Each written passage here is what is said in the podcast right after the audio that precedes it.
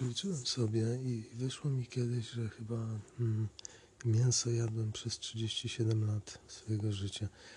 To znaczy, nie pamiętam jako dziecko oczywiście, ale chyba mi dawali rodzice mięso nawet w pierwszych latach życia. Zatem pomyślałem sobie, że 37 lat, czy jest to możliwe w jakiś sposób odpracować tę swoją nieświadomość i, i, i rzeczywiście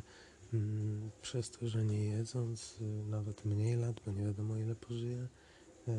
jestem w stanie zmazać to, jaka ilość niejedzenia jest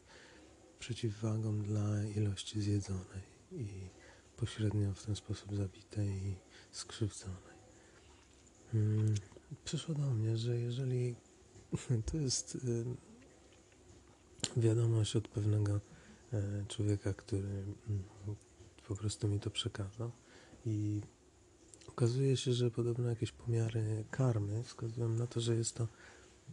korelacja niezawodna pomiędzy ilością dobrej karmy na im plus, a tym, jak bardzo jest prawdopodobne, że Twoje istnienie przyczyni się do powstania nowych ludzi, którzy